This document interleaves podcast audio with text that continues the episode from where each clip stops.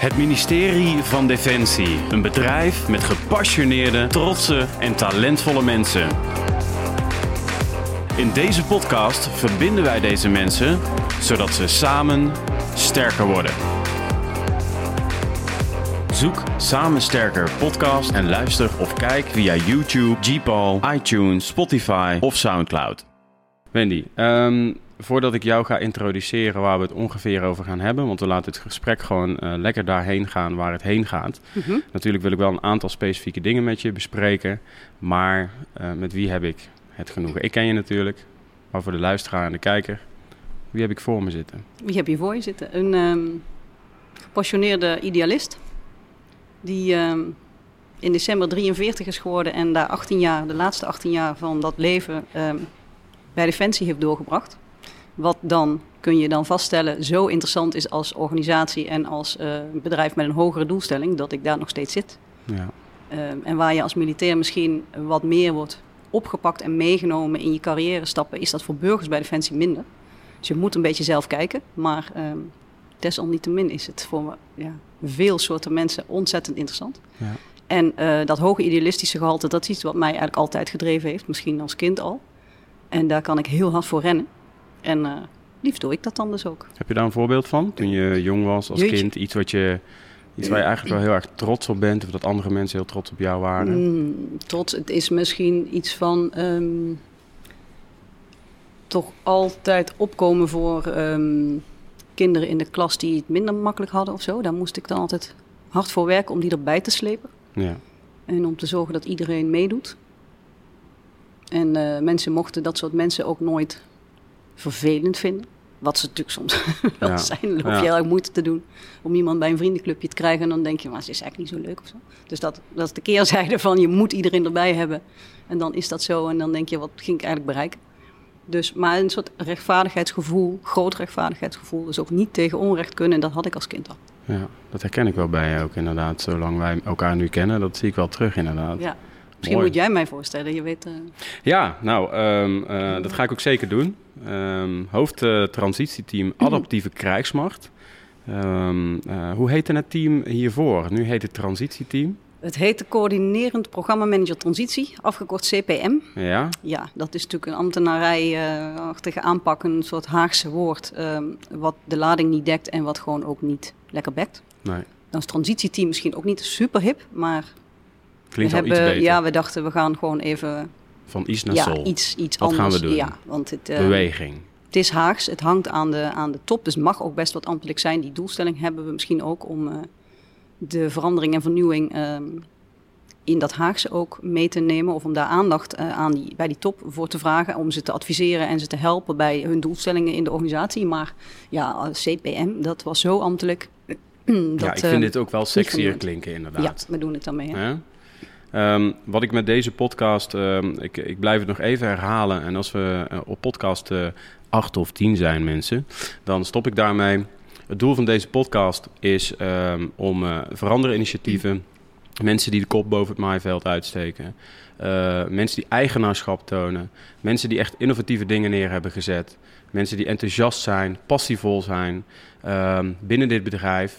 eh, te connecten met elkaar, maar ook vooral ze op een podium te zetten, eh, zodat ze de rest van de krijgsmacht kunnen enthousiasmeren, ehm, een, een, een hart onder de riem kunnen zijn. Mhm. Dat mensen denken van, goh, als die dat kan, kan ik dat ook. Of misschien vond ik dat wel, vind je iets wel heel eng en denk je van, goh, ik ga die Wendy's even contacten. Ik heb het van vorige podcast die is al gehoord. Ze worden regelmatig gecontact omdat ze de podcast geluisterd hebben van, goh, ehm, ja, ik vind het toch wel heel erg spannend dit. Maar nu ik jouw podcast gehoord heb, denk ik van, hé, hey, dat kan ik ook. Ja. Dus dat aan de ene kant. En aan de andere kant hopen we natuurlijk, eh, we zijn heel goed in de afgelopen jaren, ik heb het zelf als beroepsmilitair ook meegemaakt, om allerlei op gave dingen en goede dingen eh, op ons eilandje uit te zoeken en te bedenken. Mhm. Terwijl aan de andere kant van het land hetzelfde bedacht wordt. En dat is eigenlijk een beetje zonde. Ehm, dat we ook die initiatieven aan elkaar koppelen en dat die mensen wellicht samen eh, Mhm. aan de slag gaan. Nou, dat is even een notendop. Eh, volgens mij podcast nummer 5 inmiddels. Ehm, wat wil ik met jou gaan bespreken? Ik wil het dus hebben over het begrip adaptief krijgsmacht. Wat is nou adaptiviteit en wat is een adaptieve krijgsmacht? hoe verhoudt zich dat tot een term die ook wel regelmatig voorbij komt, total force? Ehm, hoe komen we naar een adaptieve krijgsmacht? Dus ik ben straks heel erg benieuwd van, goh, ehm, in 2030, weet je wel, ik zeg maar wat. Hoe ziet de krijgsmacht er dan uit, idealiter? En daarna wil ik het even kort hebben. Je hebt al een klein beetje ehm, eh, een introductie daarover gedaan. Wat zijn jouw passies, intrinsieke motivatie? Wat neem jij mee Mhm. als hoofd transitieteam adaptieve krijgsmacht? Ehm, wat neem jij mee om die krijgsmacht adaptiever te maken? Jeez, nou, daar eh, Wauw. kunnen we even mee vooruit. Hè? Kunnen we daar even mee vooruit? Het zijn, het zijn eigenlijk maar twee vragen natuurlijk. Maar goed, Goed ingekleed. Even hoesten. Ja, ik moest eh, gewoon door. Wendy, wat ik net al zei. ehm, wat betekent ehm, voor jou eh, adaptieve krijgsmacht? Zou je dat eens uit kunnen leggen? Ehm, nou, die total force die je net noemde, dat laten we vooropstellen, dat is hetzelfde. Dus internationaal is dat begrip total force bij meer landen bekend. En in Nederland is dat ooit eens politiek vertaald als adaptieve krijgsmacht. En ehm, adaptiviteit als begrip is natuurlijk niet van defensie, niet gerelateerd aan defensie. Dat, heeft, eh, dat gaat over aanpassingsvermogen. Nou, dat weet iedereen eh, in onze organisatie ook. Militairen kunnen als geen ander zich aan allerlei omstandigheden aanpassen en hebben binnen no time in verre orde van alles gepresteerd wat echt eh, nou, nou, een naam mag hebben. Ja, zeker. Ehm, maar zo'n adaptieve krijgsmacht kan je dus letterlijk vertalen met een krijgsmacht die zich snel zou moeten kunnen aanpassen. Eh, maar het is denk ik veel relevanter om, eh, om uit semantiek, of we dat dan al doen of niet, te blijven. Om eens te kijken van buiten naar binnen. Dat Mhm. proberen wij bij ons team. En dan heb je het over. ehm, stel nou dat de hele samenleving een ehm, rol heeft in het veilig houden van Nederland. De krijgsmacht heeft daar een ontzettend specifieke rol in. Die gaan we ook niet aantasten, die wordt niet uitgehold. Militaire vak wordt niet uitgehold. Maar als de wereld er niet veiliger op wordt en die veiligheidsvraag neemt toe, ehm, wat is de rol van Defensie? Maar wat zou de rest van Nederland, veiligheidsdiensten voorop, maar ook breder, wat zouden die kunnen? Dus als je ehm, de stelling poneert dat de hele samenleving een rol heeft in de veiligheid, moeten we nadenken. En mijn stelling is Defensie voorop Mhm. wie dan welke rol heeft en welke capaciteiten ook het bedrijfsleven bijvoorbeeld beschikbaar heeft om bij te dragen aan die veiligheid. En Ja. goede voorbeelden zijn misschien vitale infrastructuur. Banken hebben vrij veel kennis van cyber bijvoorbeeld. Ehm, havens, dat zijn ook eh, bedrijven die dat runnen. Die, die zijn fundamenteel voor de veiligheid van ons land. En dat kan niet allemaal militair zijn, dat is ook niet allemaal alleen maar van defensie. Hoe roep je nou andere partijen dan de krijgsmacht op om na te denken over die toegenomen vraag naar veiligheid. En hoe werken we samen om dat te organiseren? Dus een Mhm. total force gaat erover dat je de samenleving weet te betrekken bij veiligheid, bij de krijgsmacht. Van ons uitgeredeneerd gaat het dan heel vaak over ehm, een soort vraag van dat is nodig omdat defensie nooit genoeg geld heeft en we hebben tekorten. En dus dat zou dan de negatieve benadering zijn om defensietekorten aan te vullen. Maar het positieve of het, het neutrale beeld zou eigenlijk zijn... dat is gewoon relevant voor een weerbaar Nederland. Een weerbare samenleving, dat iedereen dat, dat belang van veiligheid ziet... Mhm. en zijn rol daarin kan pakken. En ik denk dat defensie, militairen voorop, ehm, daar zoveel kennis van hebben... dat je bij uitstek geëquipeerd bent om anderen te doordringen van dat belang. Ja. En een, een bijkomstigheid daarvan zou kunnen zijn dat het draagvlak voor defensie in de samenleving toeneemt. Dat is een aanname, denk ik, maar Ja. dat, dat dat belang van veiligheid bij iedereen op het netvlies staat. Ja. In plaats van dat defensie daarvoor moet zorgen en de rest denkt dat is een sluitpost, want we hebben ook nog zorg en onderwijs en noem maar op. Dat is allemaal even belangrijk, maar die veiligheid die wordt belangrijker. We kunnen het ons niet meer veroorloven om eh, daar die ogen voor te sluiten. En het is niet een taak van defensie alleen. Ja. Ehm, en dat is total force. Hoe kunnen wij de verbinding met buiten maken, met de samenleving, om eh, dat veiligheidsbelang, het toenemende veiligheidsbelang, eh, hoger aan de agenda te zetten? Ik vind het wel mooi dat je ook even heel specifiek aanhaalt ehm, dat er niet aan het militaire aspect aan zich gezeten wordt, hè, intern gezien. Eh, ik denk dat het wel heel belangrijk is dat ehm, eh, collega's dat ook eh, begrijpen, dat, dat het echt van buiten naar binnen is, wat je ook heel mooi aangeeft. Ehm, zijn er dan specifieke voorbeelden die al gebeurd zijn, dingen die we nog moeten gaan doen, die heel duidelijk aangeven hoe de samenleving defensie zou kunnen ondersteunen? Ehm, volgens mij maken we bij Defensie een, een soort onderscheid tussen combat taken en combat support, combat service support. En in die tweede Combat Service Support met name, zou je kunnen zeggen, daar kunnen we de samenleving in meenemen. Dus dan hebben we het over medische capaciteiten, logistieke capaciteiten. De genie doet uh, volop mee. Dat gaat over de bouwvakker, mhm. die uh, natuurlijk civiel um, voldoende werken heeft, maar um, ja, soms moet dat militair kunnen worden uitgevoerd. Kun je daar uh, verbindingen mee maken. Cyber gebeurt civiel, heeft Defensie ook capaciteit nodig. Um, dus in allerlei ondersteunende taken zou je kunnen zeggen, kan Defensie zijn capaciteit plaatselijk en tijdelijk, daar waar dat nodig is, uitbreiden door intensievere samenwerking met ja, partners die we kennen. Ja. Dat zeg ik erbij omdat natuurlijk steeds de kritiek komt dat als wij iets nodig hebben en je zou op de knop drukken, ja. dan zouden ze misschien niet komen. Ja. En, en dat, dat total force idee gaat natuurlijk over dat je partners er zoveel van moet doordringen dat ze het niet kunnen permitteren om niet te komen. Ja. We moeten daarvan op aankunnen. En hoe doe je dat nou? Die afspraken en die wederzijdse afhankelijkheid gaan voelen en verkennen. Ja. ja, dat moet je natuurlijk doen als de nood nog niet aan de man is. En daar zijn we naar op zoek. Dus eigenlijk de chauffeur, de, de, de, de vrachtwagenchauffeur op een logistiek centrum, die hoeft niet voor zijn baan te vrezen bijvoorbeeld? Nou, nee, als je naar de cijfers kijkt en alle statistieken en alle planbureaus en welke experts je er maar bij wil halen, die, die arbeidsmarkt is echt anders dan jaren geleden. Mhm. Defensie heeft tekorten en uh, we voorzien nu niet dat die heel snel uh, opgelost uh, kunnen, kunnen worden. Dus bij Defensie hoeft helemaal niemand voor zijn baan te vrezen. Ik denk dat um, ja, we komen mensen tekort. En, en, het zou kunnen zijn dat militairen die nu voor bepaalde taken in worden gezet, veel meer nodig zouden zijn op andere taken. Dus dat we meer naar die flexibiliteit intern moeten kijken. Ja. Um, hopelijk daar um, ja, het persoonlijk belang van mensen in kunnen meenemen. Waar, van waar ben je goed in, waar is je talent, wat zou je nog willen? Ja. Uh, maar nee, we, we gaan niemand. Uh, naar huis sturen. Nou, ik ga daar ook niet over. Ik doe hier uitspraken alsof ja, daarover zou gaan. Maar nee, maar dat is niet. We hebben het over een adaptieve krijgsmacht. Hè? Ja, dus vanuit... we verdringen geen militaire banen. We hebben meer nodig. En, en sommige dingen, sommige eh, capaciteiten, het kost natuurlijk allemaal geld. Nou, daarvan is er nooit genoeg. Dat is een politiek verhaal om, uh, om te zorgen dat Defensie uh, voldoende middelen krijgt om uh, alle taken te kunnen blijven doen. Um, maar um, ben je het even kwijt. ik ben het hartstikke kwijt. Die welwillendheid, hè? want dat vraag ik me af van de, de maatschappij. Ik kan me voorstellen, um, uh, Defensie is een groot logbedrijf. Um, um, ik kan me voorstellen dat enerzijds de maatschappij heel graag met Defensie samenwerkt. Maar anderzijds, ik denk dat de verhalen um, ook wel te ronde gaan. In ieder geval wat ik uh, persoonlijk heel vaak gehoord heb. Zo, ja, die betalen, die betalen pas te laat. Of, of, of dat, dat zijn dingen die je vaak hoort. Hè? Dat dat echt maanden uitblijft.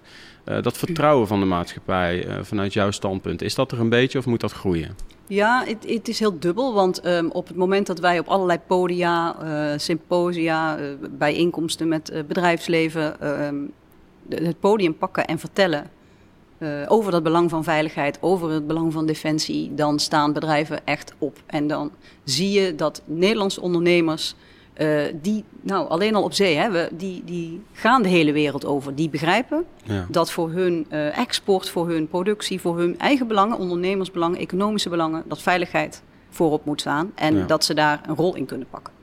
Um, dus in, in eerste instantie heel veel enthousiasme. Maar naarmate we nu meer met dit onderwerp bezig zijn en bij verschillende bedrijven vaker terugkomen, zie je ook de kritiek toenemen. Mm -hmm. um, dat wij het vrij moeilijk vinden om dit echt te concretiseren en te operationaliseren. Dat duurt dus allemaal lang. Veel bedrijven zijn ook klein. In Nederland is een groot MKB, hè? een midden- en klein bedrijf. Mm -hmm. Die hebben 10 tot 20 medewerkers. En die blijven dan maar mensen sturen en meepraten. En we doen daar te lang over. Um, sommige bedrijven willen natuurlijk geld verdienen. Nee, dat zeg ik verkeerd. Bedrijven moeten geld verdienen om te kunnen overleven. Ja, um, dus daar moet ook iets terugkomen. Ja, that, what's ja. in it for me. Natuurlijk speelt dat. Dus het is niet alleen maar voor volk en vaderland. Uh, dan moet de schoorsteen moet roken. Dan maar moet ik kan me ook wel voorstellen dat dat stuk juist ook wel mee zou spelen. Want stel dat ik uh, uh, een, een, een onderneming zou hebben ik denk dat ik ook wel enorm trots zou zijn om een, een, een defensieapparaat te mogen ondersteunen. Ja, dat merken we ook. De meeste zijn dat ook. Um, en waar je het het meest bij ziet is de reservisten. Dus bedrijven beginnen, de bedrijven waar we mee werken, waar we mee samenwerken, uh, beginnen steeds meer gevoel te krijgen bij het idee reservist. Mm -hmm. Veel bedrijven weten helemaal niet dat mensen reservist zijn. Die doen dat ja, in, in een soort vakantietijd of zo. Die vertellen dat niet. Maar daar waar het begint te ontstaan en waar reservisten in hun eigen bedrijven vertellen over defensie, blijkt dat er opeens collega's komen vragen of zij ook reservist kunnen worden. En ehm, die trots eh, is vrij groot. En dat helpt Defensie, want we hebben een ambitie gesteld om het aantal reservisten fors te laten stijgen. Daar heb je natuurlijk hulp en steun van die andere werkgevers voor nodig, want die laten Ja. hun mensen daar dus voor gaan tijdelijk. Ja, zo. en vergis je niet, hè, de reservisten van deze wereld. eh, in het verleden, toen ik zelf nog stoere landmachtmilitair was, toen ehm, eh, werd daar wel eens negatief over gedaan. Vakantiesoldaten, deeltijdsoldaten, maar even, even voor de luisteraar, voor de duidelijkheid. eh, als jij in je vrije tijd, Ja. dat je ook gewoon lekker thuis op de bank zou kunnen zitten met een bak chips en een film. Maar je loopt dan eh, door het bos te rennen en te trainen en te oefenen. Dan ben je misschien, ik zeg het heel voorzichtig, nog wel meer militair. Ja, ik heb het gezegd. ja. Als de mensen die dat ehm, gewoon dagdagelijks doen. Dus ik heb echt zoveel Ja. respect voor, voor de reservisten. Echt, dat is echt enorm. Ik vind Ja. het echt heel mooi wat zij doen. Ja, ik gooi er even tegenaan dat je niet meer militair bent. Dat kunnen we onze eigen eh, collega's echt niet aandoen. Maar je ziet nu een trend Even om... politiek correct ja, maken. hè? sorry, Ja. nee, nee, nee. Dat Nee, vind ik niet eens politiek. Laat het dat even duidelijk zijn. Ik, eh, Ik ik ben zegt. militair eh, geweest. Ik ben daar onwijs trots op. Ja, Er is niemand meer dan niemand, snap je? ja. Maar ik, eventjes die reservisten, die vond ik, die moesten ja, we eventjes moeten. En, optellen. en je merkt nu dat er een soort dynamiek ontstaat om af te stappen van dat woord reservist. Ja, dat klopt. Eh, alsof ja. je een soort tweede rangs militair was eh, of bent. Ehm, en dan gaan we naar het woord deeltijd militair. Dat heeft natuurlijk ook weer zo'n connotatie van dan ben je ook geen echte, maar dat bedoelen we neutraal. Niet overal hè, op alle slakken zout leggen. Ja. De deeltijd militair die dat gewoon inderdaad eh, met eer en geweten in zijn ja. in bepaalde tijd doet, Ja. had het ook niet kunnen doen. Hij, zij. ja, ik heb er heel Ehm, veel respect Ja, voor. ik ook. En het is eh, hard nodig. eh, want ook dat betekent niet dat onze mensen worden verdrongen of dat eh, mensen die geen verstand van militaire eh, zaken hebben hun werk gaan overnemen. Ja. Dit is hard, hard nodig om ja, dat, dat veiligheidsgevoel eh, ja, in de samenleving te laten groeien. Goeie. Ja. Ja. Ik wil je heel vaak zeggen, het is hard nodig. Ja, ik, Het ja. is hard nodig. Maar even, ehm, het Total Force concept, eh, als ik me niet vergis, komt uit Canada, hè? Klopt dat? Ja, dat zou kunnen. Er zijn een aantal landen die daarin voorop lopen. Canada is daar één van. Eh, de Scandinavische landen hebben daar eh, ervaring mee. Ja. Een samenleving als Israël is natuurlijk heel anders. Maar ja. kan ook. Ja. Australië zien we voorbeelden van. Britten ook. En hoe lang Maar doen het- zij dat al, Ik, bijvoorbeeld? dat durf ik niet zeggen. Een aantal jaren. Dat, ja. Ja, ja. En eh, hoe lang duurt het voordat wij zijn daar waar de, de Canadezen, de Australiërs... Nou, ze hebben allemaal, denk ik, andere modellen. Ehm, de Noren hebben een systeem eh, van ehm, dienstplicht waarin je, misschien noem ik het verkeerd, maar ehm, waarin iedereen opgeroepen wordt. En daar zijn zoveel mensen die daar eh, vrijwillig op instappen dat ze voldoende hebben. En ze kunnen dus een heel groot potentieel eh, aan reservisten ehm, heel snel beschikbaar stellen. ja. We hebben zo'n systeem niet. Wij lopen op andere eh, gebieden voorop. Wij hebben namelijk een aantal, ja, ik noem het maar business cases, een aantal casussen met bedrijfsleven. Waarin we gaan proberen een soort preferred partnership te ontwikkelen. Ehm, ja, om dus te zorgen dat je capaciteiten waar nodig aan kunt vullen. En Ja. we merken dat bijvoorbeeld de Britten, maar ook in NAVO eh, breed, dat daar interesse voor is over hoe wij dat proberen te verkennen. Eh, Er zijn collega's die op maritiem gebied bezig zijn, maritiem logistiek. Eh, collega's die in het HR-domein bezig zijn om, eh, om die mogelijkheden te verkennen. En daar, ja, daar worden ook internationaal, ook in Amerika zijn collega's geweest om daar verhalen over te vertellen, presentaties over te houden over hoe we dat bedoelen en Mhm. hoe wij dat doen. En daar loopt Nederland dan weer in voor op. Dus we, we doen goed mee, maar ja, we kunnen blijven leren van, Ja. van elkaar. En, en los van die krijgsmachten, Ja. waar je ziet dat ze natuurlijk allemaal met tekorten te maken hebben gehad de afgelopen tijd, ehm, zitten die voorbeelden waar we naar op zoek zijn ook veel bij het bedrijfsleven. Ondernemersgeest, dat, gaat, dat, dat zoeken we eigenlijk. Eh, en mensen die aan je podcast hebben, die laten dat zien. Ja. Ehm, nou, die ondernemersgeest halen we ook bij Nederlandse ondernemers, bij het Nederlandse bedrijfsleven en niet alleen bij krijgsmachten om ons heen. Want heb jij misschien een eh, mooi sprekend voorbeeld? Eh, even een stapje terug, transitieteam. Hoe lang bestaat nu het transitieteam? Ehm, in deze versie, in deze samenstelling, zijn we in juni begonnen. Mhm. Maar daarvoor is dat CPM. Ik Ja. wilde het niet noemen, maar daar is het Ja, ja. Ehm, is twee jaar eh, geleden begonnen. Dus in de zomer van 2017 ehm, heeft de secretaris-generaal toen gezegd... er komt een nieuw kabinet aan. ja. Daar was duidelijk dat er extra geld, forser extra geld naar Defensie zou komen. En toen zei hij, ik wil zo'n team... ehm, wat wat meer naar de lange termijn kan kijken... wat los van de actualiteit en die waan van de dag... die daar zo relevant is in Den Haag... wil ik hebben om te zien ehm, of dat extra geld, wat dan onder de krijgsmachtdelen verdeeld wordt, of dat ook snel en slagvaardig uit kan worden gegeven. Dus Ja. dat was een hele politieke dynamiek. De bewindslieden kunnen laten zien dat dat apparaat eh, goed aan de slag gaat met de extra middelen. En inmiddels, zeker vanaf juni, hebben we een eigen, een hele andere doelstelling. Die gaat volledig over de adaptieve krijgsmacht. Ehm, en kijken hoe je dat kunt operationaliseren. Ja. Nou, dat Want heb je dus- in die periode van zeg een 2,5 jaar ehm, eh, een sprekend voorbeeld dat je zegt van goh, dat is wel iets waar ik heel erg eh, trots op ben dat ik dat mee heb mogen maken richting die eh, meer adaptieve krijgsmacht. Ja, dat ik het mee heb mogen maken, maar zonder dat ik wil pretenderen dat, ehm, dat wij dat allemaal bedacht hebben. Dat is dus een samenstel van allerlei collega's die de ondernemersgeest laten zien en beginnen. Ehm, waarbij we zien dat, dat, ik noemde net de genie, eh, die samenwerkt met bedrijven om te kijken hoe je eh, mensen kunt delen, hoe je je oefeningen en je operaties ehm, met behulp van bedrijven kunt doen. Collega's in de eh Papijn uit ons eigen team kan niet ehm, ontbreken hier, denk ik, in Mhm, zijn ehm, maritieme capaciteit. Een enorme relevante casus, denk ik, om de logistieke capaciteit op marinegebied of maritiem gebied uit te breiden. Waar eh, rederijen ehm, instappen nu en eh, dat neemt toe. Mhm. Nou, daar moeten we nu voor kijken. Kan Defensie dat operationeel ook echt benutten? Of blijven we het alleen op de manier doen die we al kenden? Ehm, dat, is, ja, dat is van een orde die we eigenlijk in de organisatie nog niet kennen. En dat valt soms dus ook wat lastig. Het, het is zoeken naar hoe kunnen we zo'n nieuwe samenwerkingsvorm inzetten. Maar daar ben ik trots op, want dat is, is uniek. Bij de landmacht zijn een aantal, eh, ook op logistiek gebied, de, de genie noemde ik, dat, dat zijn voorbeelden die zijn eh, nieuw en die gaan verder op de samenwerkingsvormen of bijvoorbeeld inhuurvormen of klant-leverancierrelaties die we allemaal al kennen. Die zijn niet fout, maar die doen daar iets bij. En het gaat over wederkerigheid en ook de belangen van die partijen die instappen meenemen. Die kunnen Ja. niet langdurig voor veiligheid worden ingezet als wij hun belangen niet ook ehm, meewegen. En doordat je dat wederkerig doet en beide belangen op tafel legt, komt er 1 en 1 is 5 uit. En ga je kijken naar gezamenlijk bemannen van misschien schepen of gezamenlijk trainen. Wij leiden mensen van de civiele rederij op eh, in het ene gebied. En onze mensen kunnen instappen bij reders op een ander gebied. Dus je gaat op hoe de minister dat zo mooi noemt in haar defensienota, mensen, middelen en manieren, ga je samenwerken.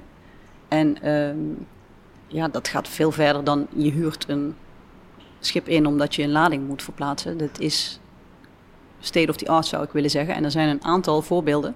Misschien bij DOSCO, eh, onze collega Saskia Riceo met haar Social Impact Bond. Ja. Die investeringen en forse investeringen uit eh, Europa en uit eh, bedrijven weet te halen.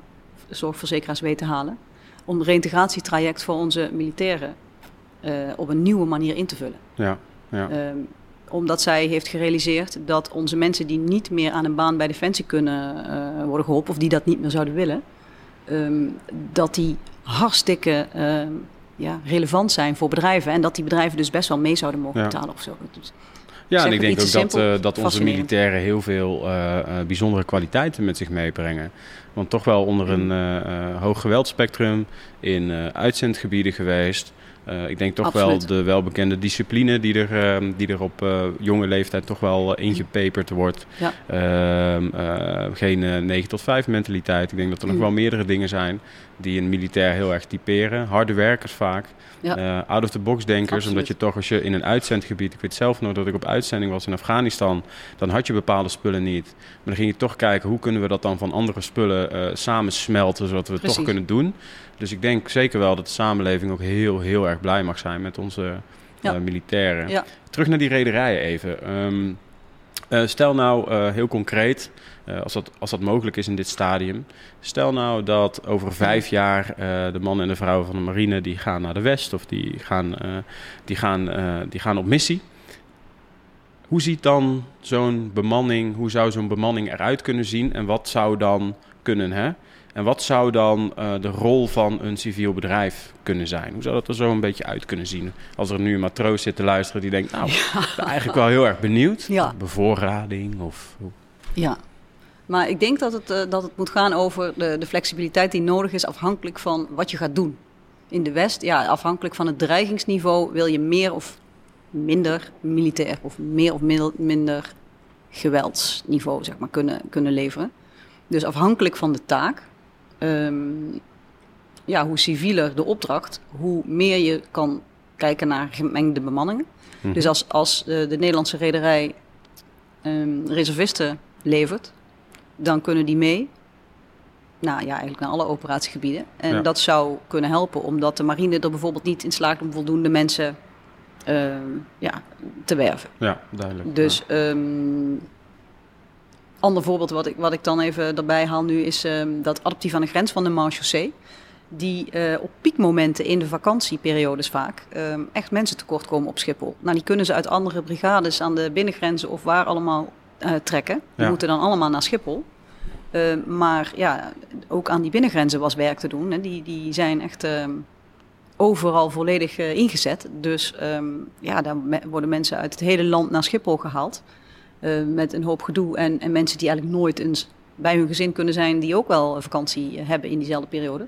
Dus de Marche heeft denk ik heel eh, ja, slim gezien dat je ook burgers zou kunnen opleiden tot die deeltaak aan de grens. Ja. Daar hebben ze met allerlei zorgvuldigheid naar gekeken aan welke balies je mensen dan kunt zetten en hoe, hoe begeleid je dat? eh, wat moet er dan echt door eh volleerde marechaussees gedaan worden en hoe kun je die capaciteit aanvullen? Ja, Ja. zoiets. Ja. Ehm, dat is eigenlijk vernieuwend denken. Dat, dat, ja, er hangt een soort zweem omheen dat je daarmee het werk van de militairen verdringt of dat eh, dat, dat uit wordt gehold. Maar ehm, als je ziet hoe die proeven zijn gelopen die ze daarmee gedaan hebben, dan zijn ook die collega's aan de grens daar, ehm, is mij in ieder geval geworden, zijn daar positief over. Omdat ze meer lucht krijgen en misschien wel voor eh, andere taken in kunnen worden gezet. Ja, en of het is ook allemaal hebben. niet zo nieuw, hè? Want ehm, als je kijkt binnen HR, eh, waar ik dan best wel het een en ander van weet, eh jobcrafting, dus binnen je taak eh, andere taakjes overnemen, Precies. bepaalde task switching onderling. Ehm, volgens mij is een, is, een, is, een, is een gemiddelde militair echt wel geëquipeerd om, om op die manier samen te werken. Samenwerken, dat is wat we binnen dit bedrijf juist heel goed kunnen. Ja. En ik denk ook, als ik kijk, ehm, het is misschien al wel oeh, 13 jaar geleden, ehm, toen ik eh, Combat Lifesaver werd, toen al eh, konden wij een uit- uitwisseling met plaatselijke ziekenhuizen Mhm. eh, doen. Om daar eh, eens een dag op een eerste hulp of weet ik wat mee te kijken. Om daar juist ervaring op te doen. Ja. Dus dat gebeurde, volgens mij gebeurt het eigenlijk stiekem al op Ja. heel veel plekken binnen de Ja, organisatie, en ik denk dat, dat de vraag misschien gaat over ehm, in operationele omstandigheden. Ja. Wat, ehm, wat kan daar dan? Want wat, wat, welk deel van die taken is militair en blijft dat ook? En hoe kun je die capaciteit aanvullen waar dat nodig is? En dan terug naar dat marine voorbeeld. Je kan zeggen, omdat het nodig is, ehm, ja, laten we reservisten meegaan aan boord. Maar met zo'n Nederlandse rederijen, en dat is ook dat voorbeeld waar Pepijn aan werkt, kun je dat van tevoren al samen opleiden, samen trainen, de, de burden sharing eigenlijk, de dingen delen, kosten Ja, delen. Ja. Maar ook, ja, dat is, ik weet niet of de marine daar ehm, ja, aan toe is of, of, eh, of dat voor hun op dit moment werkbaar is. Maar je kan eh, dat schip samen eh, bouwen. Ja. Dus je zou kunnen zeggen, een, ehm, ja, logistiek transportschip Ja. kan civiel varen tot het moment dat nodig is voor militaire inzet. En dan zullen er een hele hoop randvoorwaarden moeten worden ingevuld, zodat dat ook militair kan worden overgenomen op dat moment. Maar die kosten delen en, en het samen doen en nou ja, op die manier voor Defensie de capaciteit uitbreiden. Ja. In plaats van eh, al die schepen zelf te onderhouden, zelf te beheren. Nou, dat is misschien een vloek in de kerk hier en daar. Maar we moeten denk ik durven verkennen ehm, wat de mogelijkheden zijn. Ja. Met eh, betrouwbare partijen om ons heen om die capaciteit uit te breiden. Omdat je kunt voorzien dat eh, ja, die vraag naar veiligheid de komende tijd alleen maar toe gaat nemen. Ja. Ik eh, zit trouwens te bedenken, ehm, ehm, als je kijkt naar ehm, hoe eh, alle doctrines en alles ingericht zijn en alle eenheden, is het natuurlijk ook wel zo dat eh, we dit ook binnen het bedrijf intern ook al in wezen doen. En daar bedoel ik mee dat we verkennerseenheden hebben, we hebben commando's, we hebben mariniers die bepaalde taken doen die de landmacht weer niet doet. Mhm. Tot een bepaald punt ga je mee, zeg behind enemy lines. En daarna komen, eh, hè, dan heb je de commando's die bijvoorbeeld bepaalde dingen doen, de mariniers die bepaalde dingen doen. Eh, dus in wezen gebeurt het intern binnen het bedrijf ook al. Ja, Dus we gaan het eh, het gaat niet heel anders worden. We krijgen alleen ondersteuning van de maatschappij. Nou, dat vind ik heel mooi gezegd. Maar ehm, eh, ik, ik weet niet of iedereen eh, kan, kan delen dat dat dan niet heel anders is of zo. Als je dus zegt, dat, dat doen wij allemaal al. Dat is zo'n mooie algemene kreet die je vaak hoort. Mhm. Maar als we dat dan allemaal al doen, dan kun je heel veel ja, pioniers, onze collega's die voorop willen lopen in dat soort verandertrajecten of innovatieve projecten, die zou eens moeten vragen waarom het dan allemaal zo moeilijk gaat. Ja. Want ze lopen allemaal tegen hordes en procedures en lange trajecten aan. Maar Ja. ja. dat zou niet hoeven als je zegt dat doen we dan allemaal al. Dus schijnbaar komt er toch iets bij ja. waar we voorzichtig naar moeten zijn, waar we goed over na moeten denken. Want En, waar zit de eh, grootste bottleneck? Want ik zie toch wel enige eh, emotie als het gaat om dit punt. Wendy, Ik gun het mensen Ondanks- zo dat hun eh Kijk even goede om je ideeën heen. worden gerealiseerd. het is hier Ja. relaxed. Adem in, adem uit. Nee, maar nee, nee ik, het is terecht, want ik hoor natuurlijk ook best veel. ehm, en het is helemaal terecht. Hoe komt het, of niet, hoe komt het? Welke dingen? Kijk jij even naar buiten, ontspan even. nee, grapje. Wel, welke, welke bottlenecks, wat zijn de dingen waar jij, ehm, ik wou zeggen, wakker van ligt? Nou, ken je een beetje, dan lig je, je ligt niet zomaar wakker. Nee. Maar wat zijn dingen dat je denkt, nou jongens, daar moeten we echt, daar moeten we echt wel eens iets mee gaan doen, want het- dat kan echt niet meer.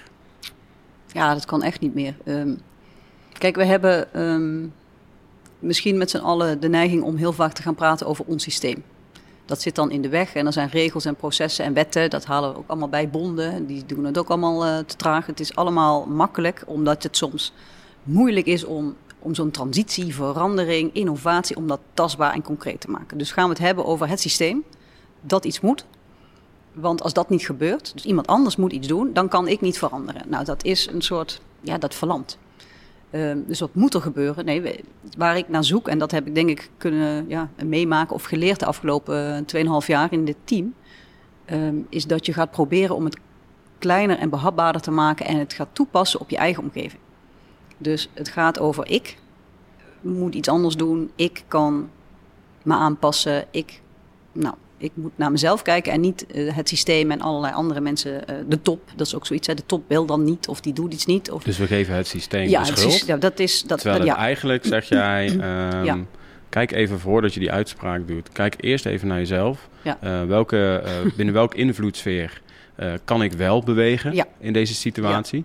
Maar wat maakt dan dat die individuele persoon, personen, ehm, eh, dat zo moeilijk vinden? Is dat angst om te veranderen? Want verandering, evolutionair verandering, betekent natuurlijk afstoten ja, van je groep en Ja. eh, in, in de grootste gevallen het dierenrijk dood. ja. Dus verandering, die comfortzone is niet voor niks een gebruikt, veel gebruikt woord. Eh, waar, zit, waar, waar zit dat hem in, denk je? Nou, eh, als je, als je, dat hoor je vaak in de organisatie van we zijn uit een periode van krimp gekomen. Dat wordt altijd heel makkelijk gezegd. Maar als je tot je laat doordringen wat de, de energie is die in de hele organisatie of in het systeem hangt. Na zo'n periode waarin eigenlijk niks kon. Een hele lange periode waarin het moeilijk was en het niet kon. Wat, wat, dat, wat dat doet met een apparaat. Dat is waar we denk ik tegen ja, ageren nu. Daar, daar Mhm. willen we uitkomen. En mijn stelling is niet iemand doet iets verkeerd. Ehm, zeker niet collega's die met hart en ziel proberen om in deze organisatie op te staan en het voor hun eigen omgeving beter te maken. Ehm, maar ja, het, kost, het kost moeite en het kost zoeken en het kost doorzettingsvermogen van individuen om in die context weer de weg naar boven te vinden. En mijn, mijn stelling is dat we dan, ja, af en toe is het ook lekker om tegen elkaar te kunnen zeggen: verdorie, als iemand anders of als de regels maar worden aangepast, dan kan ik tenminste wat. Maar je zou kunnen kijken, niet de regel moet worden aangepast, maar ehm, dit is voor een operationeel effect relevant. Dat staat niet buiten kijf, dus moet ik kijken naar welke specifieke regels zou daar dan in de weg zitten en wie kan ik bellen of wie kan helpen Ja. om dat op te lossen, omdat het voor deze concrete casus overduidelijk is dat dat nodig is. Heb je het dan ook over ehm, het welbekende de bedoeling? Hè, je hebt de bedoeling, de leefwereld, systeemwereld. Ehm, ik vind de zorg altijd een heel mooi voorbeeld. Ja. Ehm, Defensie overigens ook, het leveren van veiligheid. Je had het over inzoomen en uitzoomen. Daar zijn we eigenlijk het interview mee begonnen. Ehm, eigenlijk hoor ik hiermee zeggen, ehm, hoe moeilijk het ook is, probeer eens die helikopterview, probeer eens uit te zoomen, het grotere belang te zien en vanuit daar te gaan redeneren, wat kan er dan wel? Is dat wat je zegt? Ja, dat zeg ik eh, inderdaad. Deels omdat als collega's komen met een voorbeeld of met een casus waarvan ze zeggen: Dit wil ik eigenlijk opgelost hebben. Dan daar zijn nou, hulptroepen in de organisatie voor nodig, waarvan je hoopt dat ze naar dat algemene belang kijken. Zeker dat belang van die, ja, laten we het zeggen, de operationele eenheid of de collega die iets gedaan moet hebben, die toch wel, nou, dat, dat belang moet voorop staan. Ja. Dus daar wil ik heel graag uh, aan, aan bijdragen dat, dat mensen dat belang gaan zien. Het operationele product, dat moet voorop staan. Daar Ja. moet de rest van de organisatie, de ondersteuning, moet daar aan bijdragen. Die moet dat niet in de weg zitten. Maar waar ik meer op doelde is het, het verlamd uh, om te bewegen, om het te groot te maken. En, en als je ergens um, op, een, op een kazerne zit en je hebt een goed idee, dan, dan hoef je niet meteen misschien na te gaan denken over het systeem en de top en de bonden. Dus uh, dit soort van boven your pay grade, weet je wel. Probeer ja. het concreter en behapbaarder te maken en daar steun te, te vergaren. Ik, ik, ik weet dat mensen dat proberen en dat ik misschien daar te simpel over ben. Maar het bewegen gaat op, op concrete basis en concrete projecten mm -hmm. heel vaak wel. Maar het verlammende in het systeem moet veranderen. Er moet heel veel gebeuren. Daar kun je uh, nou, eindeloos kopjes koffie met elkaar over drinken. En dan heb je lekker uh, en dan ben je leeggelopen en dan verandert er niks. Maar mensen hebben wel goede ideeën en mensen hebben echt passie om op hun individuele werkvloeren iets aan te pakken. En die mensen, daar is ons team eigenlijk ook mee bezig. Om daar waar ze dan echt niet verder kunnen, um, toch te proberen verder te helpen, de weg te helpen zoeken, de hulptroepen die er overal in de organisatie beschikbaar zijn, daarop te organiseren. Die mensen soms helemaal niet kennen of die, die weten ze niet te vinden. Ja. Dus hoe help je nou mensen concreet verder? En dat is, dat is een soort, dat geeft energie. En dan zie je ook dat andere collega's daarop willen aanhaken, die denken als het daar lukt, kan ik dat misschien ook. Zeker als we dat een beetje zichtbaar kunnen maken. Hè. Ja. Mensen verdienen gewoon die aandacht waar ze goede, goede ideeën hebben weten te realiseren. Dus dat kleiner en concreter maken, naar je eigen eenheid blijven kijken, naar je eigen ja, omgeving blijven kijken. Ja. En je, je hoeft niet in je eentje die last van die hele organisatie op je schouders te nemen. Ja. Dan lukt het namelijk niet.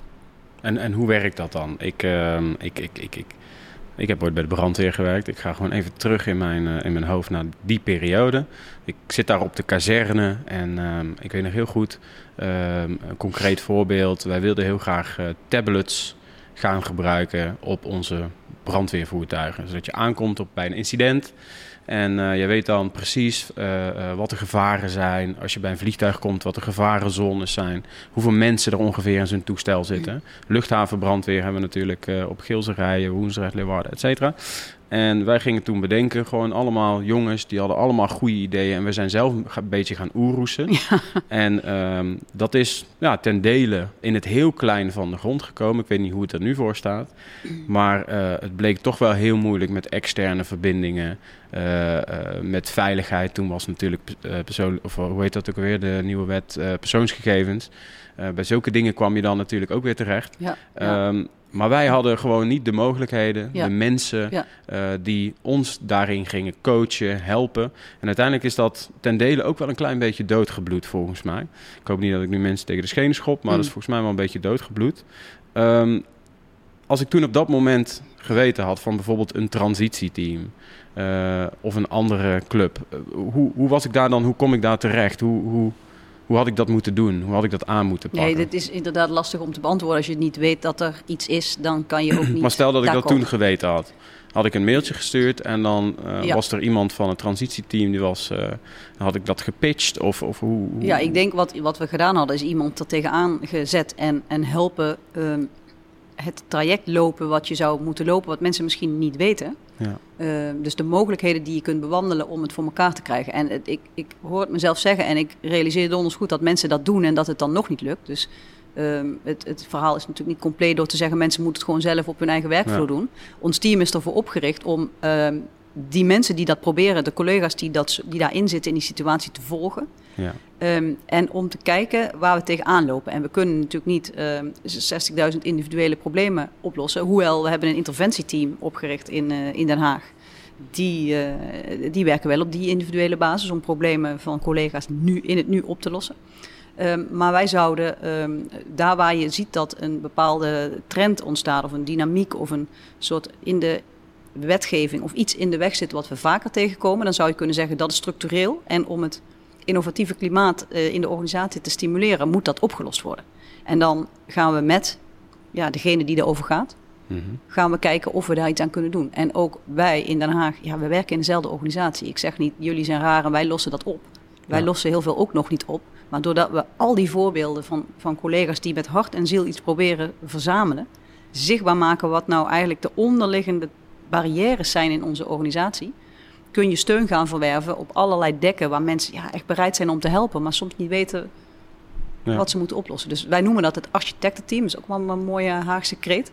Maar waarin je met collega's uit inkoop, P&O, juridische zaken, financiële zaken, dus eigenlijk alle onderliggende ondersteunende processen, Mhm. die vragen van collega's van ik kan, dit, dit lukt niet, dit mag niet, ik loop hier weer tegen iets aan, het gaat te traag.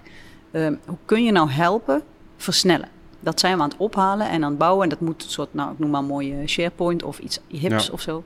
Een soort kennisbank van waar lukt het om te versnellen. Ja. En ik, ik durf mijn hand er nog niet voor in het vuur te steken dat we echt ja, fundamentele barrières kunnen, kunnen beslechten. Want je merkt het ook bij onze collega's in de innovatieclubs van de verschillende krijgsmachtdelen. Die lopen tegen dezelfde dingen aan. Ja. Dus in een pilot experimenteerfase, jij eh, met je voorbeeld met die iPads of Ja. eh, in, in Ja. zo'n eh, brandweerwagens.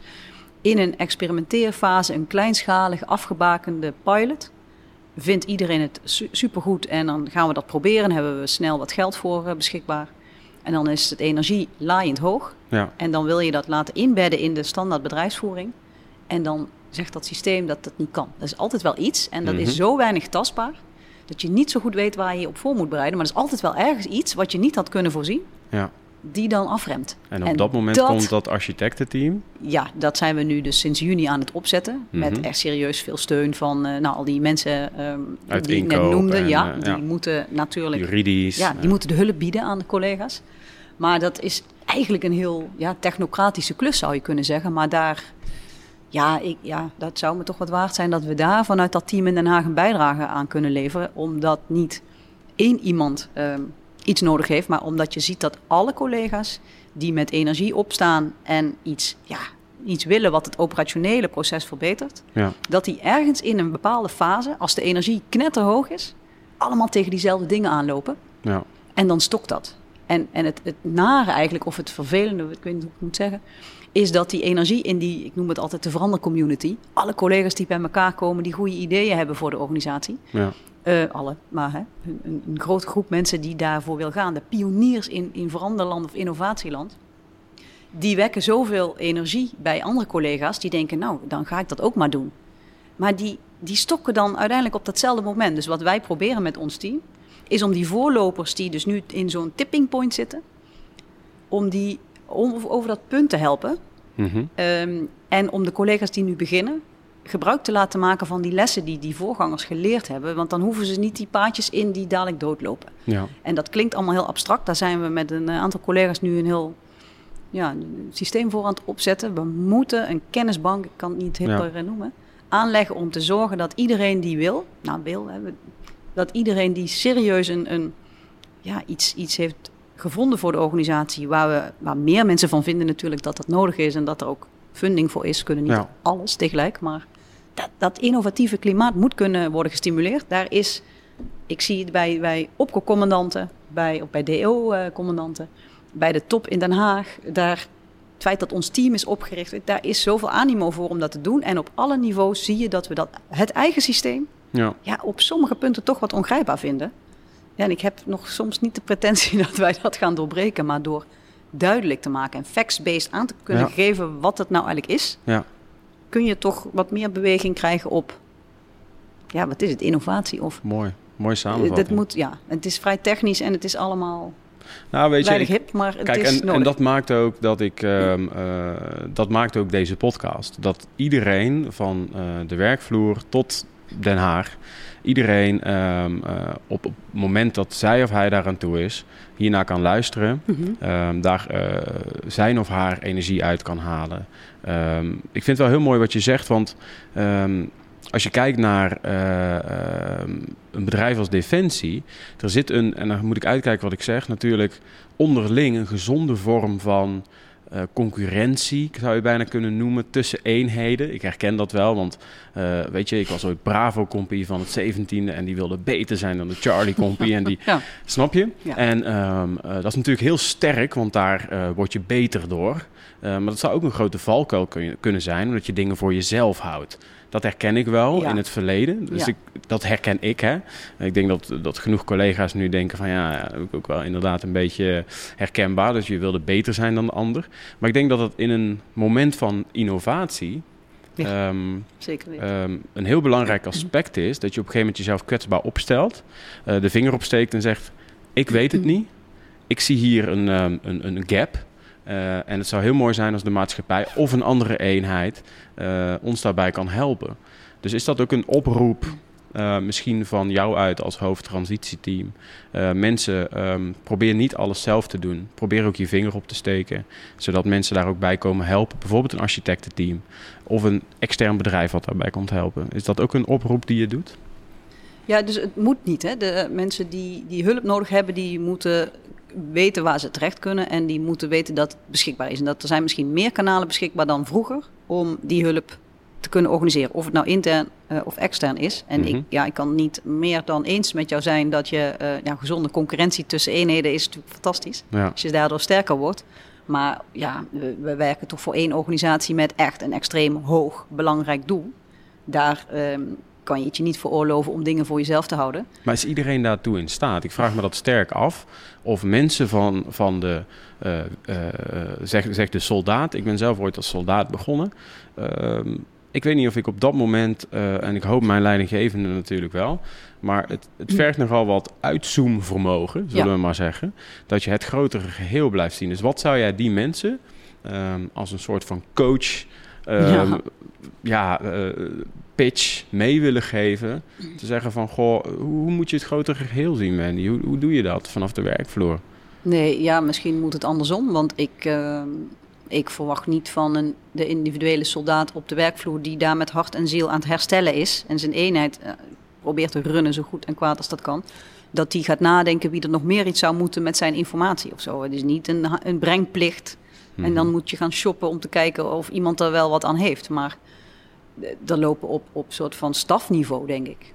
Ja, er zijn zoveel verbindingen onderling. Ja, Eh, en, en Den Helder weet niet wat Schaarsbergen doet. Dat kunnen ze ook niet weten. Dat is niemands fout. Maar ja, dat is toch een bepaald niveau op, op een staf. Of, of ja, ik weet het niet. Die Ja. samenkomen. eh, om dan toch af en toe te verkennen. Want ik was, ja, ik was op werkbezoek hier en ik was daar. En misschien, ik noem het maar. ja, Dan weet, weten, we, weten we er maar meer mensen van voor het geval dat, dat iemand anders het dus noemde. En wat wij als team Ehm, ja, het is natuurlijk maar kleinschalig, maar wat we proberen is om eh, eh, mensen van allerlei, eh, van alle defensieonderdelen die met adaptieve krijgsmacht bezig zijn, mhm, ja, om die regelmatig bij elkaar te halen. Ook nog met een grotere groep projectleiders van allerlei innovatieve projecten. Om die bij elkaar te halen en die kennis in ieder geval op dat niveau af te tappen. Zelf werkbezoeken doen. ehm, al onze eh, commandanten ehm, brengen werkbezoeken, leggen werkbezoeken af. Die, die informatie is allemaal beschikbaar. En ergens moet het bij elkaar komen. ja, En, en het is niet allemaal meteen een, eh, een SharePoint of zo. Het is ook onderling elkaar informeren en tips geven. En je ziet denk ik dat door de hele organisatie heen... met mensen elkaar continu opzoeken om te Ja. zeggen... heb je dit al gehoord? Ken je dat? Kom eens langs. ja, En Woensdrecht ehm, is super ver met een aantal innovatieve aanpakken. Hetzelfde geldt voor ehm Gilserijen Eindhoven. Dat is ehm luchtmachtbasis. Die hebben allemaal tips voor de landmacht. ja, We proberen daar een rol in te spelen om te kijken dat dat ontsloten wordt. ja. Eh, maar nee, het is niet denk ik de, de, de, de plicht van een eh, soldaat om te zorgen dat Den Haag weet eh, wat hij aan het doen is. Nee, nee, Maar ja, het is een netwerk bijna, hè? door de hiërarchie heen. ja, Ook jouw, eh, ik denk onze kapitein Nick die jij in de podcast had. Dat soort jongens daar, die zijn eh, met hun operationele zaken bezig en daarnaast met vernieuwing. ja. Ja, die weten de weg te vinden naar een heel netwerk van vernieuwers en die delen hun kennis. Dat soort, dat gaat ongevraagd eigenlijk of zo. Want eigenlijk zeg je dus, hè, we zijn het gesprek begonnen regimerend met eh, van buiten naar binnen kijken. Eh, Civiel-militaire samenwerking, ondersteuning daarin krijgen, daar hebben we het over gehad. Ehm, eh, nu zijn we langzaam een klein stukje ook eh, intern binnen Defensie aan het kijken, wat ook wel het interne spoor genoemd wordt. Ehm, kan ik hier de conclusie uittrekken dat we eigenlijk daarbij het gesprek al een beetje, heb je eigenlijk al een beetje weggegeven, dat we intern eigenlijk al best wel heel erg adaptief zijn, het menselijke aspect. Dus je zegt net, we zoeken elkaar eigenlijk al op. Ehm, als je in tegenstelling tot eh, jaren geleden, we waren natuurlijk echt een, ehm, een organisatie, we zijn paars Mm. geworden. Maar vroeger was de landmacht, de luchtmacht, de marine, de marechaussee, waren echt op zichzelf staande eh, ehm, eenheden, apparaten. Ehm, ik, als ik nu kijk naar Defensie, hoe goed wij samenwerken, Ja. dat we innovatiecoaches, we hebben, we hebben Boost, we hebben Jong Defensie, Defensity College. Ehm, allemaal mensen, jonge mensen en mensen met een jonge geest die samenwerken. Zeker. Ehm, ik denk, als ik zo rondkijk, ik heb er al een paar in de podcast gehad, dat we intern eigenlijk al wel heel erg adaptief zijn. Ja, en ik denk in het operationele veld, onze militairen zijn zo adaptief als maar wat. Eh, interoperabiliteit, eh, ik, al, al zo ik me daar als burger een eh, oordeel over kan aanmeten, denk ik dat Nederland daarin voorop loopt in, in krijgsmachtland. Ehm, maar los dus van die operationele eenheden zijn er inderdaad, ik noem dat altijd maar een beetje gekscherend, de hulptroepen. Dat zijn die mensen die jij net noemt, de netwerken, Jong Defensie of Defensity College, wat die jongens neer hebben gezet. Ja. Dat is fantastisch, dat is super knap.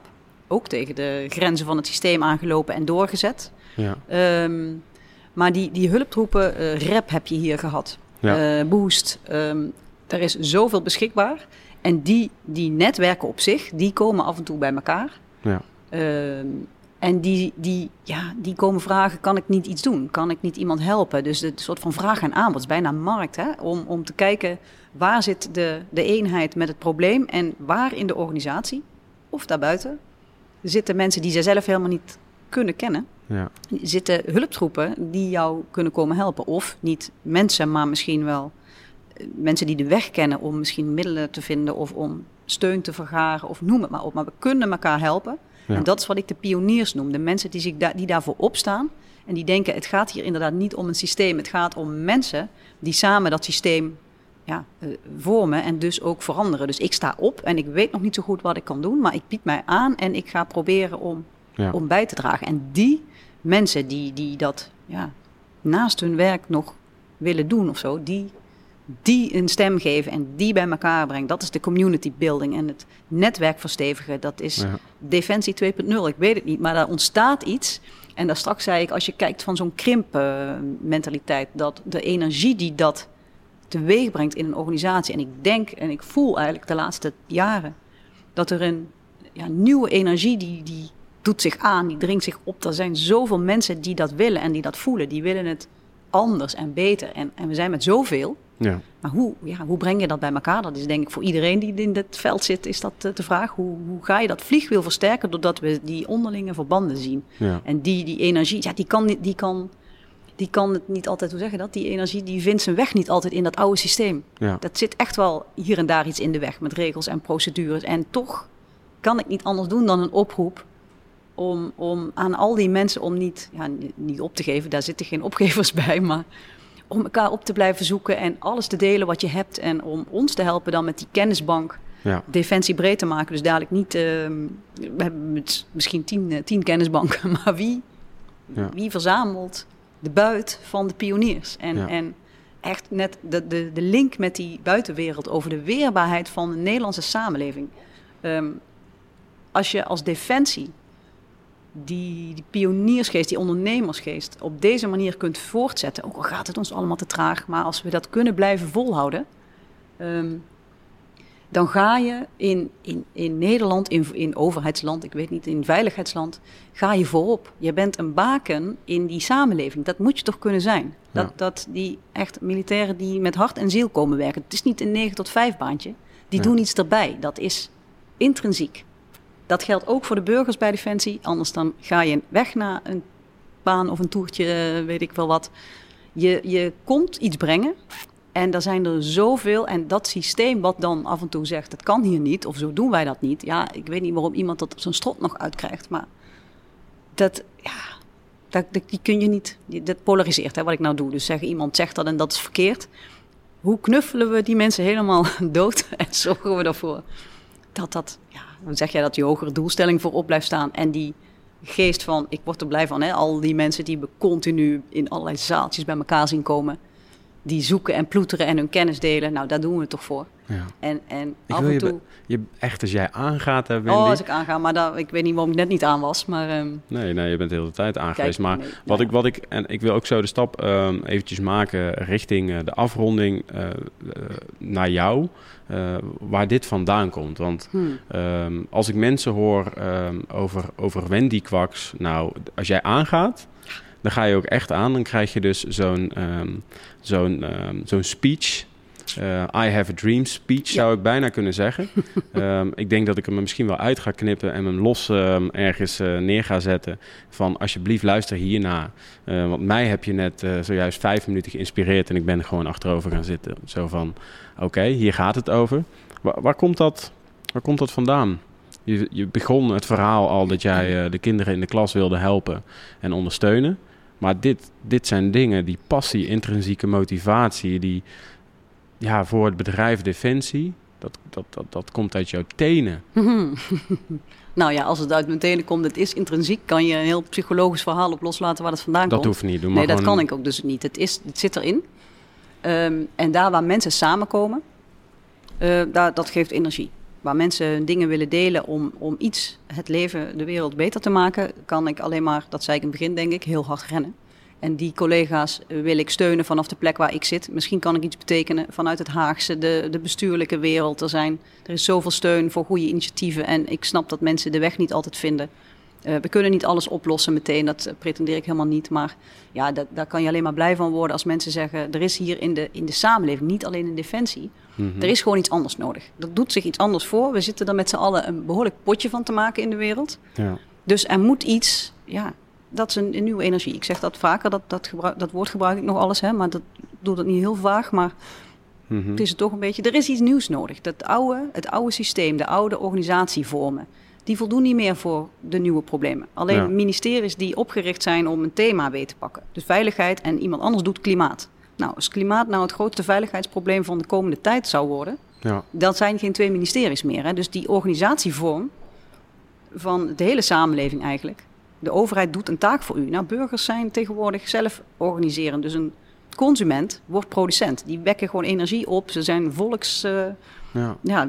initiatieven, dat, dat, dat, dat soort, die sferen, dat is ook transitie, hè? Energietransitie. Zo'n, ja. Het gaat op een andere manier. En maar wat maakt dat, dat jij daar zo, wat maakt ja, dat, want nu ga je de diepte in. Ja, nou ja. En dan ga je weer aan. Oh ja, oké. Okay. Maar als je even uitzoomt, dat begon je zelf mee. Ja. Wat maakt dan dat jij zo gepassioneerd, um, nogmaals vanuit je tenen... Ja, ik voel het. Uit mijn linker kleine teen komt ik weet het echt niet. Hoe? Hoe? Het is er, dat weet ik niet. Kijk, het enige wat ik aan een soort van hogere wiskunde kan, uh, kan toevoegen is uh, dat ik ben. Uh, mijn, ik heb jarenlang heeft het mij gekost om mijn eigen handleiding te leren kennen. Ik ben best wel een beetje een vreemd typeje, alternatief typeje. Mm -hmm. um, ik, ik ben sensitief. Dus als er spanning is in de wereld, in het land, om mij heen, in de organisatie, dan voel ik dat in mijn lijf. En ik heb uh, eigenlijk mijn hele leven lang heel hard moeten werken om die spanning weg te poetsen. En wat doe ik dan? Heel hard, heel veel praten. Kennen mensen ook van mij, denk ik. Dat is spanning weg organiseren. Proberen te analyseren wat er gebeurt, omdat het oncomfortabel voelt. Mm -hmm. um, en ja, ik kan dus aangaan om wat in mij niet goed voelt, oncomfortabel voelt. Weg te poetsen. Om dat weg te poetsen. Ja, en ja. dat heb ik vroeger in mijn studie met internationale betrekkingen. Um, vond ik dat interessant omdat die spanningen tussen landen aandacht vraagt. NAVO-zaken en de VN, dat vond ik mega interessant. Omdat dat, ja, ik denk de enige oplossing is om relaties onderling mm -hmm. goed te houden. Dat soort, uh, samen sterker. Samen, ja zeker. Dat is prachtig natuurlijk. Um, maar dat, dat zit ook tussen mensen. Dus daar waar mensen zich willen verbinden om iets te verbeteren, ja. gaat mijn, krijg ik lucht van. Dus daar kan ik heel blij van worden. En als je blij wordt, krijg je energie en dan ga je aan. Ja, dat is denk ik een beetje het enige ja. wat ik kan bedenken. Um, ja, en het is dus mega interessant. Ik, ja, ik pik de oncomfortabele gevoelens van mensen op.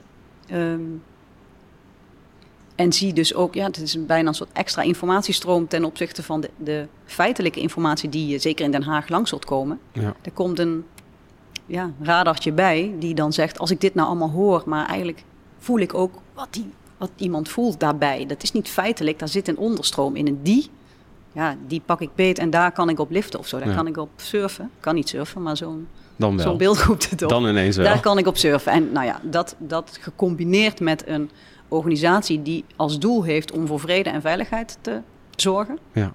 Met mensen die zo gepassioneerd zijn om daar elke dag voor uit, uit hun bed te komen. Nou, ja. met, met risico voor eigen leven uh, bij onze militaire collega's, daar, dat hoeft natuurlijk. Uh, ja, dat, dat ja. is toch. Daar kan je. u tegen zeggen. Dat, dat, dat, dat doet niemand je na in de, in de samenleving.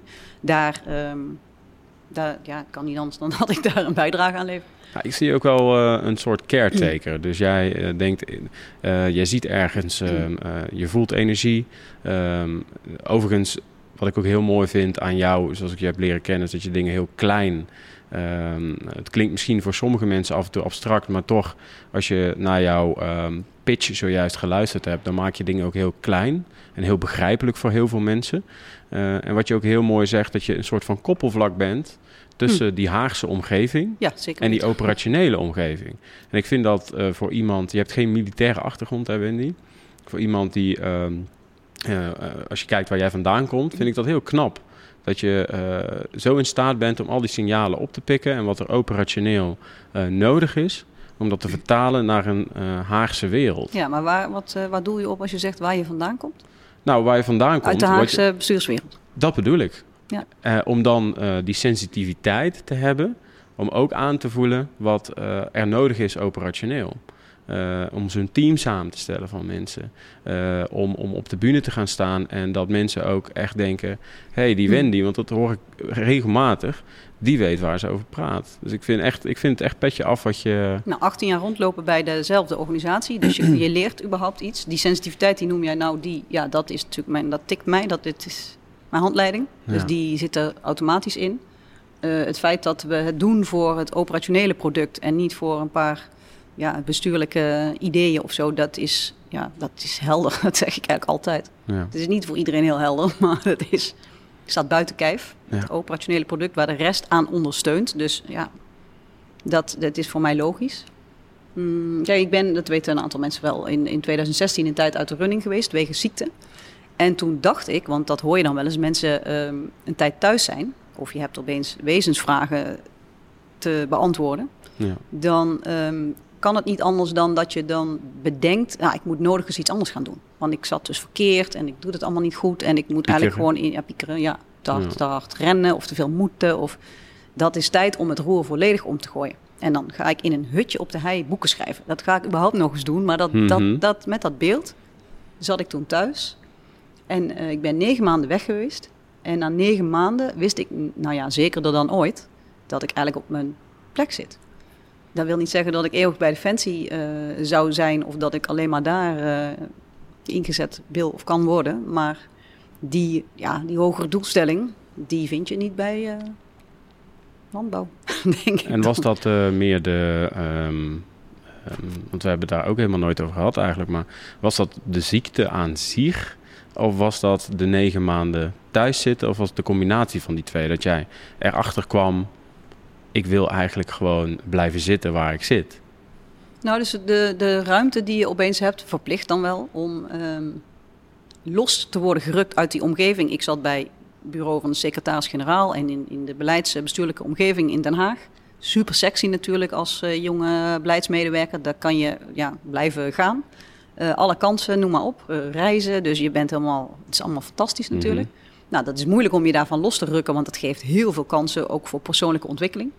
Als het bij je past natuurlijk. Als het bij je natuurlijk, ja, ja. ja zeker voor een burger zoals ik ja. is dat uh, fantastisch. Zo'n bevlogen Ja, en dan kun je, kun je, kun je blijven rennen. Um, dus daar, daar was ik denk ik niet zo makkelijk uitgestapt... als het niet nodig was geweest. En um, de ja, de plotselinge ervaring dat je daar dus niet kunt rennen. Ja. Dat het dus doordraait als jij dan niet bent. En dat je dus even echt kunt afstand kunt nemen. Het is bij een sabbatical hetzelfde. Dat hoeft ja. niet alleen maar naar ervaring te zijn. Je, je komt los van je omgeving waar je al die tijd, al je uren aan het uh, draaien bent. Ja. En ik, ik had een aanname dat ik dan waarschijnlijk dus nou, in een hutje op de hei zou uh, willen zitten. Ja. Of uh, yoga in Bali of zo, weet je wel. Mm -hmm. Fundamenteel anders. En ik ja, ik stond popelen om, om te komen weer. Ik heb wel een andere functie gedaan toen ik ja. terugkwam. Ik ben dus de, bij dat transitieteam terechtgekomen. Ja.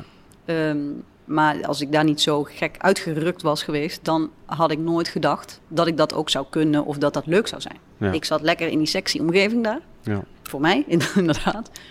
Um, en toen die secretaris-generaal zei: Je bent daar nou toch los van, is dat veranderteam niks voor jou? Heb ik hem serieus nog drie keer uitgelegd waarom en hoe dat het allemaal niks was voor mij, want ik ben geen verandermanager, ik ben beleidsmedewerker. Ja. Toen zei hij, ik zie iets, ga dat nou eens proberen. Ja. En dat, dat, dat is sowieso mooi dat het bij Defensie kan. Het zal voor heel veel collega's gelden. Dat er zoveel kansen zijn. Ik denk Ja. ook dat collega's het andere eh, ervaren. Dat ze iets willen en op dat moment kunnen ze ergens niet weg. Of mogen ze niet weg. Dus het is niet alleen maar weer eh, ja, positieve ervaringen. Maar dus het feit dat je zo'n overstap kon maken. Waar ik dan weer met hernieuwde passie bij dezelfde organisatie zit. Ja. Ja, Ja. Dat, eh, dat mag nog even duren. En. Uiteindelijk is het misschien tijd voor iets nieuws. Maar eh, dan heb je een enorme ambassadeur voor het leven erbij in ieder geval. Want je hoort heel vaak hè, als mensen om eh, een of andere reden, eh, als er een situatie gebeurt, dat je losgerukt wordt ehm, eh, uit het systeem, dat je dan eens even inderdaad de, de, de balans op gaat maken. Ja. En dat je gaat kijken, waar sta ik eigenlijk?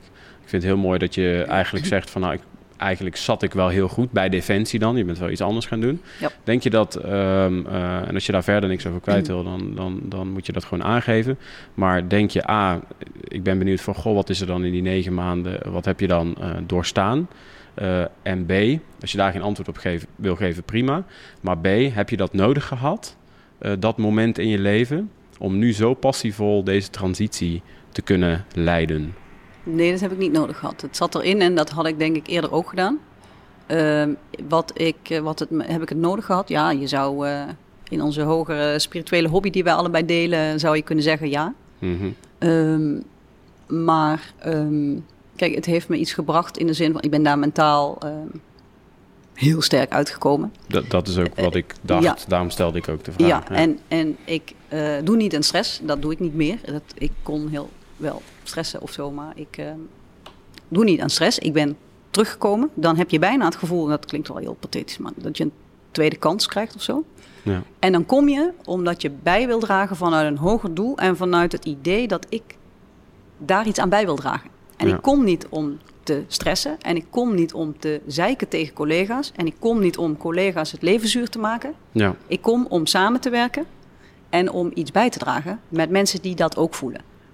En dat, dat idee dat er zo'n last van je afvalt, dat je niet in je eentje, dat zei ik net eigenlijk ook al, hè, dat je niet als, als eenling in de organisatie die last van die hele organisatie moet dragen, daar kun je onder gebukt gaan. Ja. Die kun je afdoen, die rugzak, met stenen. Een zware rugzak had ik verzameld. Die staat in een hoek. Ja. Die, ik weet niet meer in welke hoek, ik kijk er niet naar of zo. Maar je, je komt bevrijd ja, met jezelf. En dan zeg je, dit is wie ik ben en wat ik te bieden heb. Ja. Als je het wil hebben, dan ehm, zet mij maar in. Ja. En anders even goede vrienden. hè. Het is niet alsof je dan verder niks meer kan. Dan ga ik een Ja. boek schrijven of ga ik eh, op de hei zitten. Maar dan, dan heb je weer eens ja, je reset. En je hebt helemaal nagedacht in daar wil ik dus iets doen. En als het gewaardeerd wordt, Ja. graag. Nou, en als je dan bij Defensie je uitspreekt, je vinger opsteekt en zegt dit wil ik wel. Dan is het in mijn geval in ieder geval, eh, heb ik ervaren dat, het, dat dan die kans ook komt. Mooi. Ja, dan kan je weer eh, met volle passie doorgaan. Heel mooi. Ja. Ja. Nou, dit stukje kende ik dus niet van je. Dus ik eh, ben heel blij dat je dit ook eventjes ehm, ehm, aangegeven hebt, even uitgelegd hebt. Want nu zie ik waar jouw, ehm, eh, nog meer waar jouw kracht vandaan komt. Jouw passie, eh, jouw intrinsieke motivatie. En ja, ik vind het super gaaf dat je daar zo kwetsbaar over vertelt.